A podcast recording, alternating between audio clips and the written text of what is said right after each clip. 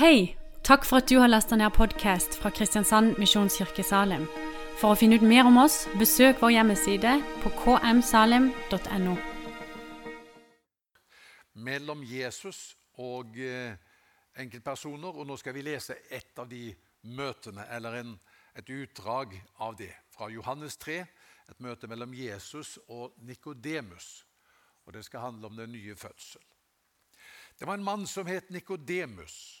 Han var fariseer og en av jødenes rådsherrer.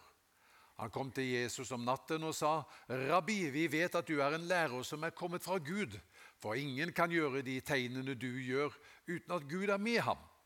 Jesus svarte, 'Sannelig, sannelig, jeg sier deg, den som ikke blir født på ny, kan ikke se Guds rike.' Hvordan kan en som er gammel, bli født, sa Nikodemus. Kan noen komme inn i mors liv igjen og bli født for andre gang? Jesus svarte, 'Sannelig, sannelig, jeg sier deg, den som ikke blir født av vann og ånd, kan ikke komme inn i Guds rike.' Det som er født av kjøtt, er kjøtt, men det som er født av ånden, er ånd. Undre deg ikke over at jeg sa til deg, dere må bli født på ny. Vinden blåser dit den vil, du hører den suser, men du vet ikke hvor den kommer fra, og hvor den farer hen. Slik er det med hver den som er født av ånden. Hvordan kan dette skje? spurte Nikodemus. Jesus svarte, du er en lærer for Israel og vet ikke det. Sannelig, sannelig, jeg sier deg, vi taler om det vi vet og vitner om det vi har sett, men dere tar ikke imot vårt vitneutsagn. Hvis dere ikke tror når jeg taler til dere om det jordiske, hvordan kan dere da tro når jeg taler om det himmelske? Ingen annen er steget opp til himmelen enn han som er steget ned fra himmelen, menneskesønnen som er i himmelen. Og slik Moses løftet opp slangen i ørkenen, slik må menneskesønnen bli løftet opp, for at hver den som tror på ham, skal ha evig liv. Og så siste verset, som er kanskje et av de mest kjente versene i Bibelen, som oppsummerer Bibelens budskap i én setning, og derfor gjerne kalles Den lille bibel. Og der står det For så høyt har Gud elsket verden, at han gav sin sønn, den enbårne, for at hver den som tror på ham, ikke skal gå fortapt, men ha evig liv. Amen. Dette var ditt ord, Herre. Tal til oss, og la oss være far at ordet gir liv. Amen. En av de mest kjente turistattraksjonene i eh, Norge det er Vigelandsparken. Den har eh, Ja, hva tror du? Er det noen som kan gjette hvor mange turister som besøker Vigelandsparken hvert år?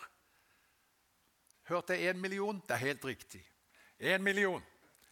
Og eh, Vigelandsparken den består av 200 skulpturer som da er laget av Gustav Vigeland i granitt, bronse og smijern. Vi har vel antagelig vært der alle sammen mange ganger. Og Vi må jo innrømme at disse skulpturene de er mesterlig laget. De er så naturtro og lik oss mennesker som det går an å få til. Likevel er det selvsagt en vesensforskjell mellom skulpturene til eh, Gustav Vigeland og de besøkende som vandrer omkring i den parken eh, og betrakter dem. Og hva er forskjellen? Skulpturene har ikke liv. Sant? Vet du, en lignende forskjell er det mellom de to menneskene som vi leste om her nå, denne lange teksten, Nikodemus og Jesus. I en forstand så har de begge liv.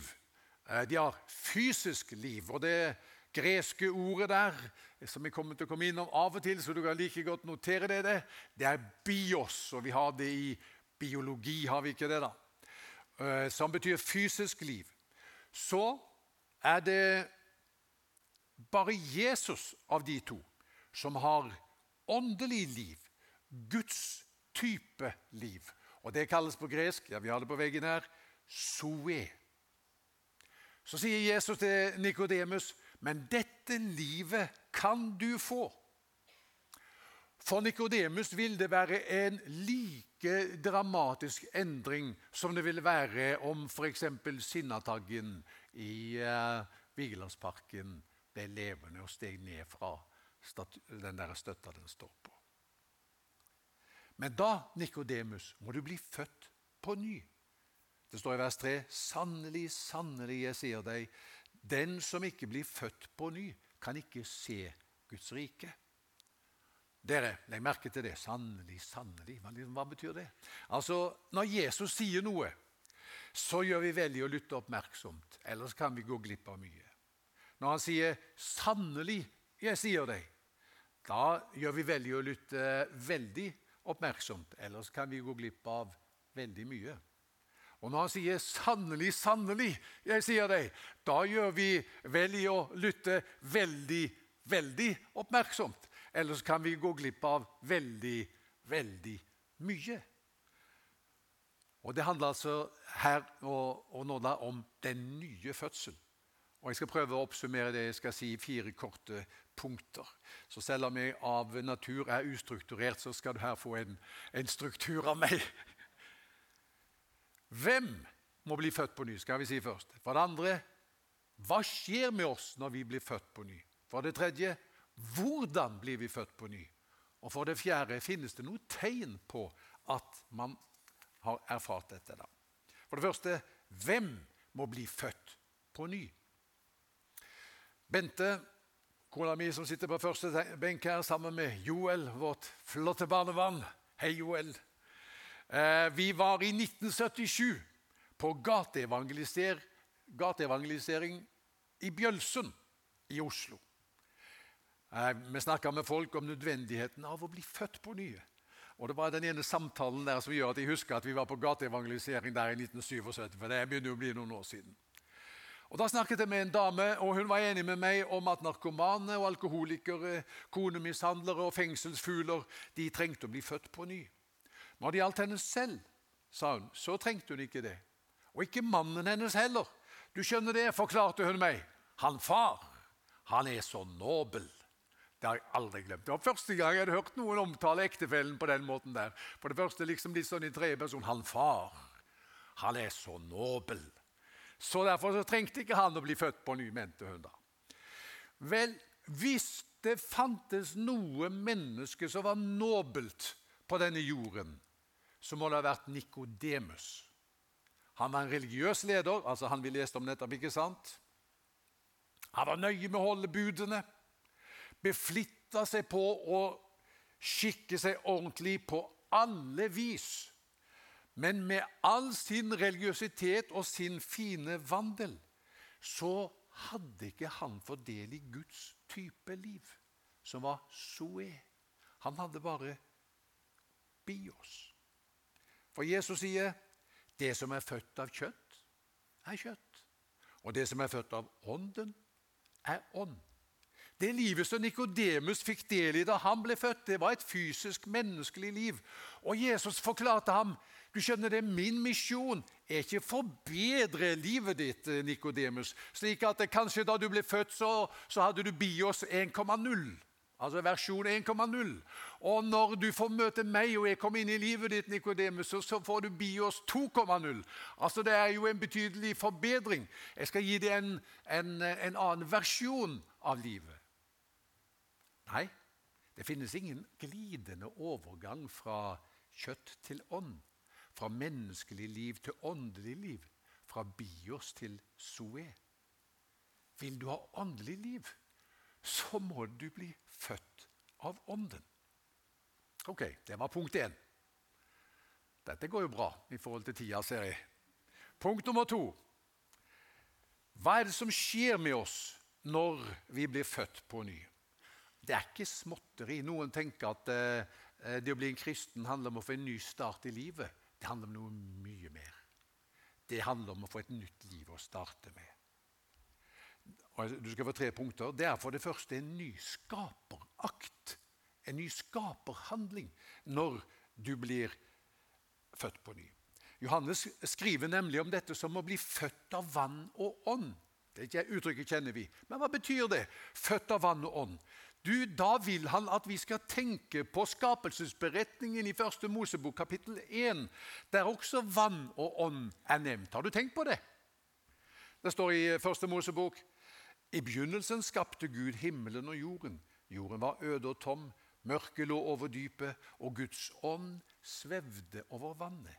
Da sa Gud det blir lys, og det ble lys. Der har vi det ordparet. Guds ånd svevde over vannet. Vann og ånd.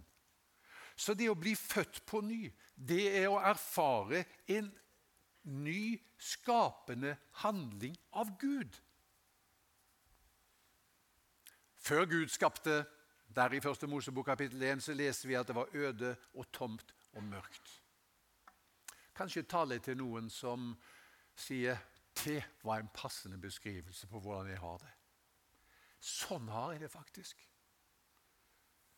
Kanskje ikke akkurat noen av dere som jeg taler til, jeg vet ikke, men kanskje er det noen som lytter på podkasten. Øde, tomt og mørkt. Har du det sånn? Da har jeg lyst til å si til deg du kan få nytt liv. Det kan bli en skapende forandring. Det står at ånden svevde over vannet den gangen. Og Det betyr at Johan er nær deg. Og Det ordet 'svevde' kan også oversettes på en annen måte, nemlig 'rugde'. Som en fugl ruger på et rede, så er ånden nær det mennesket og ruger liksom over det menneskelivet som opplever nå. Er det øde, tomt og mørkt? Det er vanskelig å være med i nå.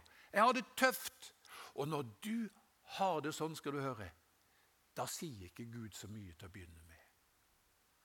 Og det, det, er jo den fellen vi mange ganger går i, vi mennesker. Når vi møter noen som har det vanskelig, så skal vi liksom si så mye. Men Gud sier ikke så mye.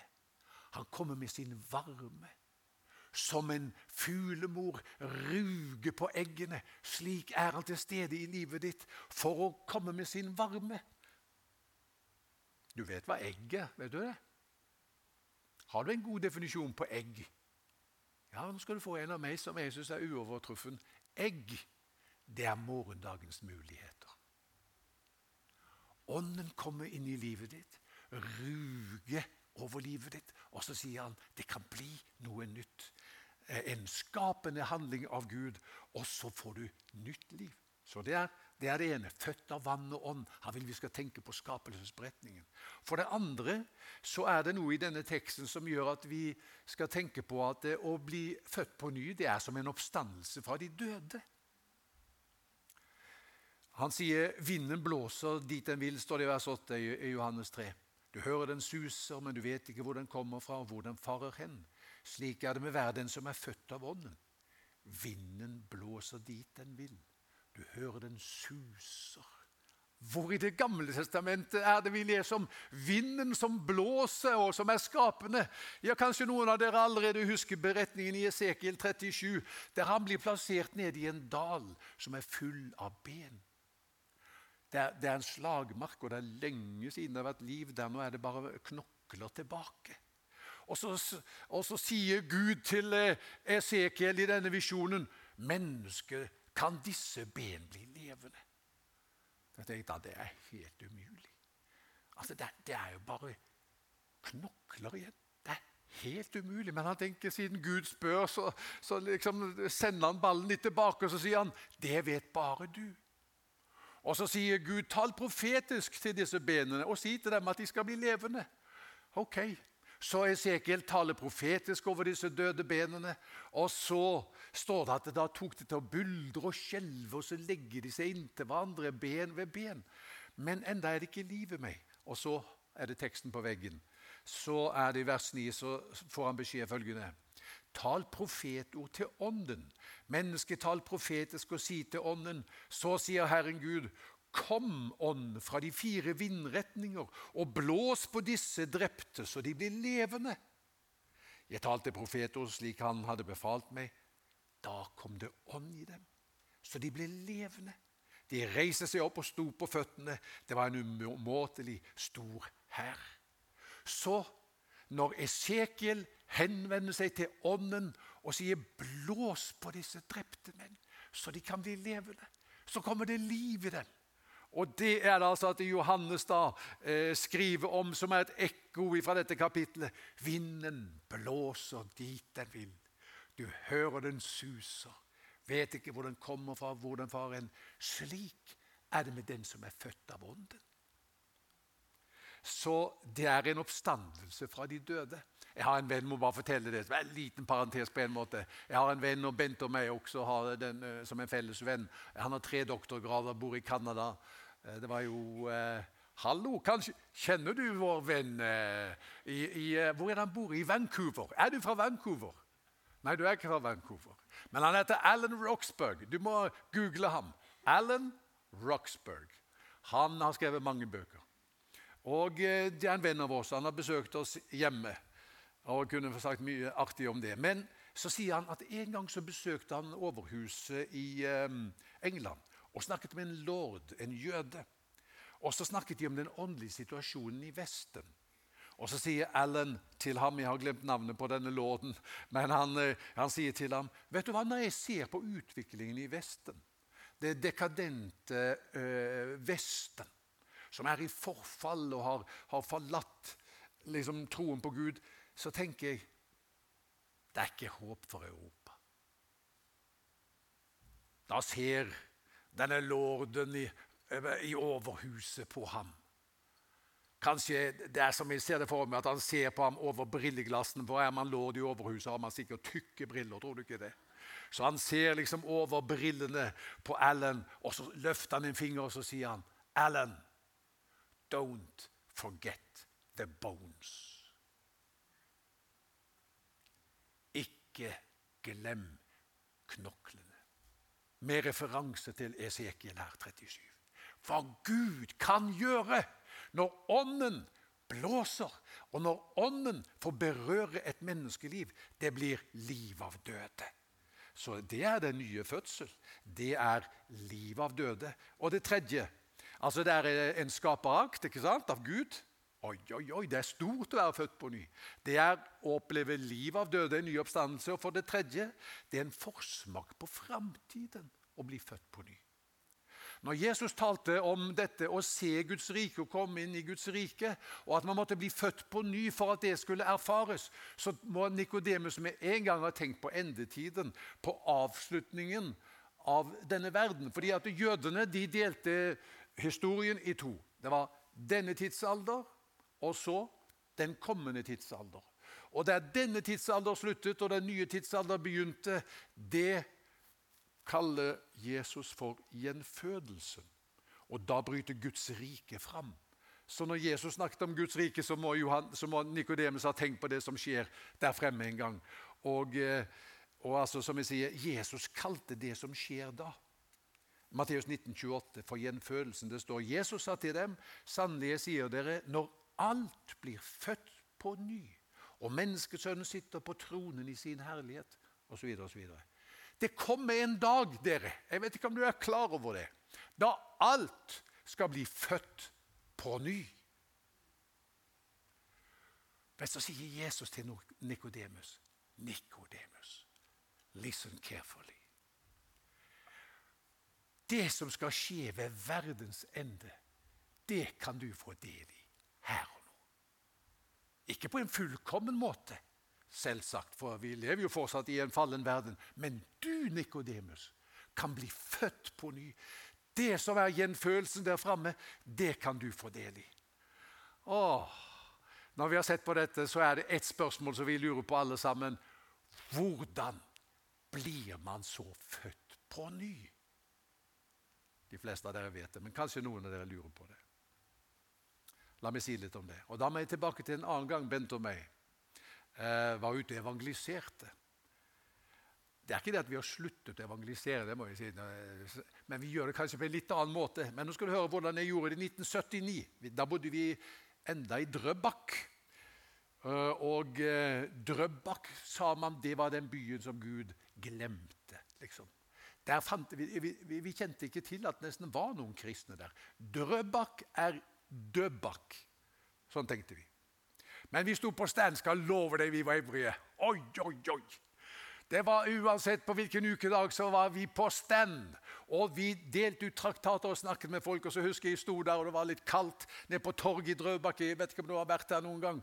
Og Det var litt kaldt, og det var ingen som ville høre på han unge Geir Johannessen. Men så var det en dame som kom forbi, men hun hadde litt avstand, for jeg hadde jo en, svært skilt der det sto et eller annet, en sånn eh, stand. så hun holdt litt avstand. Så Derfor måtte jeg rope til henne. Så jeg ropte 'Vil du bli født på ny?' ropte jeg til henne. Jeg hadde nok ikke gjort det i dag. Jeg skal innrømme det. Jeg hadde nok ikke hatt den tilnærmingen. Men det var i alle fall uansett det som jeg gjorde da jeg var Hvor gammel var jeg i 1979? 23 år? 22? 23. Så Iallfall ropte jeg 'Vil du bli født på ny?' Så stopper hun opp et lite sekund, og så ser hun på meg, og så sa hun, 'Ja, den som hadde kunnet det.' Og så skyndte han seg videre. Det er jo en sånn setning som jeg aldri har glemt. Ja, den som hadde kunnet det. Altså underforstått. Men det går jo ikke. Jeg er 50 år, jeg, skjønner du. Jeg har lagt til meg vaner og handlingsmønster. Jeg er et produkt av arv og miljø og valg jeg har truffet. Du skjønner det, unge mann som står der på stand. Løpet er kjørt. Det må jo Nikodemus også ha tenkt. Når han sier i vers 4 men Jesus, du snakker om å bli født på ny, men hvordan kan en som er gammel, bli født? Det går ikke. Kan noen komme inn i mors liv igjen og bli født for andre gang? Det går ikke. Det nytter ikke å få til noen livsforvandlende endring for meg. Jo, sa Jesus. Det går an. Nikodemus, du kan bli født på ny. Selv om du er der du er i livet nå. Har så mye bagasje og erfaring. Og du føler deg låst i et handlingsmønster som liksom har bare satt seg. Og et liv med, med liksom så dype hjulspor at de er ikke til å komme ut av. Nikodemus. Hvis du har en gjennomgripende åndelig opplevelse, så kan du bli født på ny. Og livet ditt kan bli nytt. Husker du ikke hendelsen med israelsfolket, da, sier Jesus til Nikodemus. Den gang de var i ødemarken og ble bitt av giftslanger. Jo, det husket nok Nikodemus. Husker du at Da fikk Moses beskjed av Gud om å lage en kobberslange. Han fjernet ikke giftslangene, men han laget en kobberslange. Og Så fikk han beskjed om å sette den kobberslangen opp på en stang. Vi har vel et bilde av det på veggen der også. Det er ikke et fotografi, det er det ikke, men, men det er sånn som han tenkte seg at det kunne skje. Kunstneren tenkte seg det. Og eh, når, da Moses hadde løftet denne slangen opp på stanga, så var det slik at de som så på kobberslangen, ble helbredet. Og så sier Jesus, nå leser jeg fra vers 14, og slik Moses løftet opp slangen i ørkenen, slik må menneskesønnen bli løftet opp, for at hver den som tror på ham, skal ha evig liv. Nikodemus, hører du hva jeg prøver å si til deg? Å tro på meg, det er det samme som å se på meg. Og når du ser på meg slik som de løftet blikket på kobberslangen, og du ser på meg og det som jeg har gjort for deg, da skjer underet. Ingen har forklart dette bedre, syns jeg, enn 1800-tallets store forkynner i, eh, England og det gjør ikke noe om du ikke har hørt om han. Men jeg tror noen av dere har hørt om han. Han heter Charles Spurgeon. Opp med en hånd. Hvem har hørt om Charles Spurgeon? Å ja, faktisk ganske mange. Kanskje til og med har du en andagsbok på, eller på nattbordet ditt av ham. Charles Spurgeon. Predikantenes fyrste ble han kalt. Han var på vei til et møte, for han var, eh, hadde, han var flasket opp med møter, for pappaen hans var prest. Og så var han på vei for å høre pappaen tale. Men en snøstorm førte han i stedet inn til et lite metodistkapell. Det var ikke mange mennesker der, forteller Spurgeon, men de som var der, de sang så høyt at han fikk vondt i hodet. Det husker han godt. Predikanten kom heller ikke, så det var ikke mye å skryte av dette møtet. Men så reiste en enkel arbeider seg, og så leste han Jesaja 45, 22. Der står det på norsk Vend dere til meg og bli frelst, alle jordens ender. På engelsk står det Look unto me and be saved. Altså, se på meg og bli frelst. Så snudde denne enkle arbeideren seg til den unge Spurgeon og ropte så kraftig som bare en metodist kunne rope, sier Spurgeon. Unge mann, du ser elendig ut. Og du kommer til å forbli elendig om du ikke ser på Jesus. Og Jesus sier til deg nå, 'Se på meg'. Jeg døde for deg for at du skulle bli frelst. Jeg ble begravet for at du skulle bli frelst. Jeg sto opp igjen for at du skulle få tilgivelse og syndenes forlatelse. Se på meg! Spurgeon hadde jo hørt evangeliet mange ganger, men det hadde ikke gått opp for ham. Han trodde at å bli en kristen handlet om å slutte med ting og begynne med ting. Gjør disse 50 tingene, så skal du bli frelst. Jeg hadde ikke peiling på hva evangeliet handlet om. Jeg var på linje med en som var født og oppvokst som hottentott, sa han. Og nå var det altså en som ropte til ham. Nei, det er ikke det er ikke 50 ting du må gjøre for å bli frelst. Det du må gjøre, det er å se. Og Spurgeon sier, 'Som jeg så'. Jeg så og så og så og så til det verket i øynene mine. Jeg så på ham som hang på korset, som døde for meg, og så skjønte jeg det. Der betalte han for mine synder. Der kvitterte han ut da han sto opp fra de døde, for den regningen som alle mine synder representerte. Nå er synden min sonet, nå er gjelden min betalt. Det er nok det som han gjorde for at jeg skal bli et Guds barn. Og som jeg så, så fikk jeg liv, sa han. Da han gikk ut i vinteren, og de hvite snøflakene la seg på klærne hans, så forkynte hvert eneste snøflugg som landet på skuldrene, så ren er du nå. Så er det noen av dere som sier er det så enkelt? Er det bare å se på Jesus? Og ta imot det han gjorde for meg? Ja, så enkelt er det. Det krever ikke mye av en baby å bli født, gjør det det? Jeg har vært med på fire barnefødsler Er ikke fire? Jo, fire. Jeg har vært med på fire barnefødsler. Det har jeg. Og jeg kan fortelle det når det gjelder Miriam, Jon David, Kristian og Angela. De jobbet ikke. De jobbet ikke. Men det var en som jobbet. Veldig. Hun sitter der, helten i livet mitt. Som hun jobbet. De ble bare født. Hun fødte dem. Og så skal du høre noe veldig interessant. Jesus trekker en parallell mellom en barnefødsel og det som skjer når han dør på korset. Har du noen gang tenkt på det? Han sier om kvinnen i Johannes 16, 21, når en kvinne skal føde, er hun engstelig, for hennes time er kommet. Men når barnet er født, har hun glemt smerten i sin glede over at et menneske er kommet til verden. Tenk at han bruker uttrykket 'hennes time'. For hvis det var ett uttrykk Jesus ofte brukte om sin død på korset, så var det dette 'min time'. Leser du evangeliet, så legger du merke til igjen og igjen 'min time'. Hvilken time er det snakk om da? Det er når han dør på korset. Så det som skjedde da Jesus døde på korset, det var at han gjennom det gjorde det mulig at du skulle bli født på ny. Han har betalt prisen.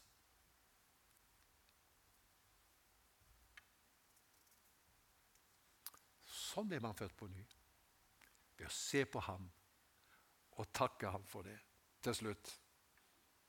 Og Nå så jeg at noen av dere fikk et optimistisk glimt i øyet når jeg sa det.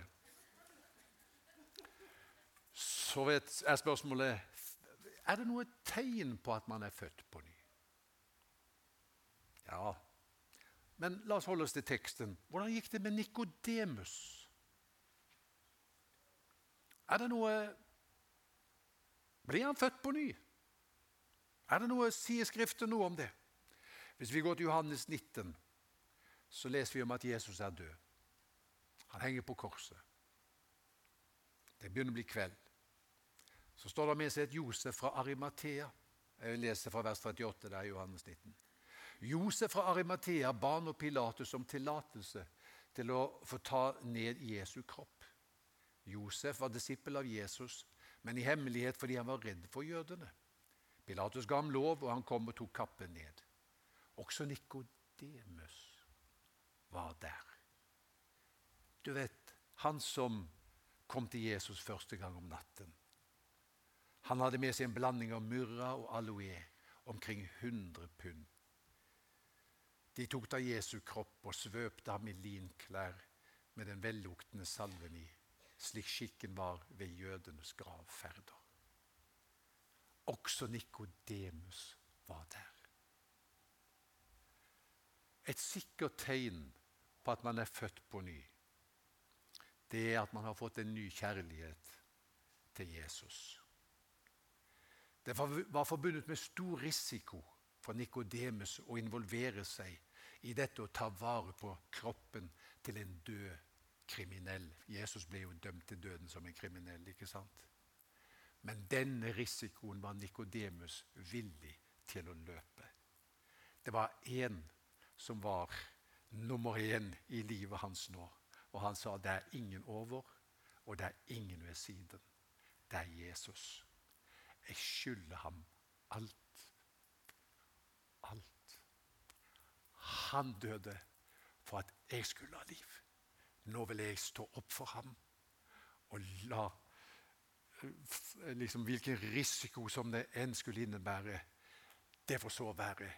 For ham vil jeg leve, for ham vil jeg dø. Jeg husker jo hvordan det var da jeg var liten gutt og gikk på speideren på KFUM. Så lærte vi den sangen 'Alltid freidig når du går'. vet du. Så sang vi, og jeg visste ikke helt konsekvensene. Kjemp for alt hva du har kjær.